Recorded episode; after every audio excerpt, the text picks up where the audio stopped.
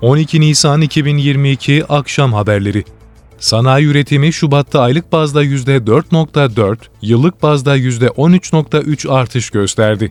Türkiye İstatistik Kurumu, Şubat ayına ilişkin sanayi üretim endeksi sonuçlarını açıkladı. Buna göre Şubat'ta takvim etkisinden arındırılmış sanayi üretim endeksi, geçen yılın aynı ayına göre %13.3 yükseldi. Arındırılmamış sanayi üretim endeksinde de yıllık bazda %13.3 artış oldu.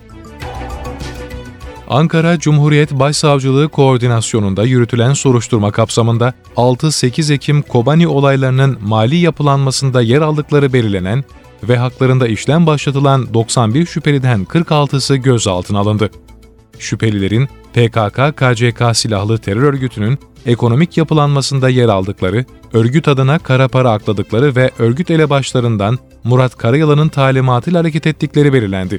Gözaltı kararı verilenler arasında eski HDP'li belediye başkan vekili, eski belediye başkan yardımcıları, eski parti sayman ve yardımcılarıyla eski belediye meclis üyeleri de bulunuyor. Trabzon'un Düzköy ilçesine bağlı Gülcana mevkiinde karların erimesinin ardından bölgede heyelanlar arttı, 6 ev boşaltıldı. Yöre halkı sürekli kaymalar sebebiyle 150 evin tehlike altında olduğunu aktardı.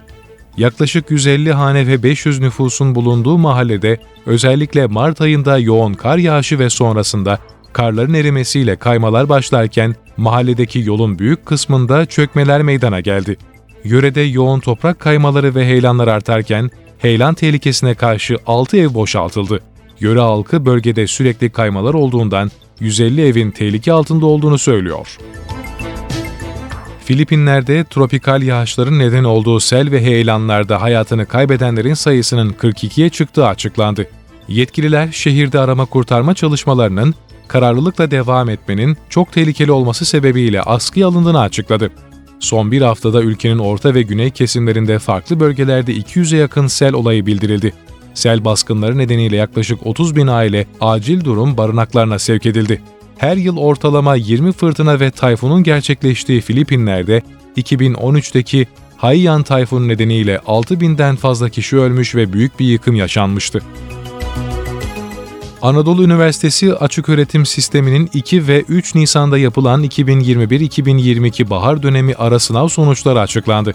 Anadolu Üniversitesi'nden yapılan açıklamaya göre Türkiye'de 81 il, 29 ilçe ve Kuzey Kıbrıs Türk Cumhuriyeti'nde Lefkoşa olmak üzere 129 sınav merkezinde 4 oturumda gerçekleştirilen açıköğretim, iktisat ve işletme fakültesi ara sınav sonuçları ilan edildi. Öğrenciler sınav sonuçlarına ausöğrenci.anadolu.edu.tr adresinden erişebilecek.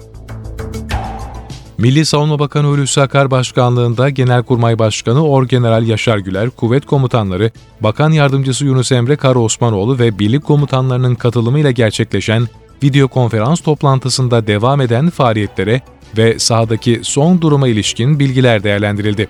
Bakan Akar burada yaptığı açıklamada, Karadeniz'de görülen mayınlarla ilgili deniz kuvvetlerimiz başta olmak üzere gerektiğinde hava kuvvetlerimizin de katkısıyla mayınla mücadelemiz devam ediyor açıklamasını yaptı.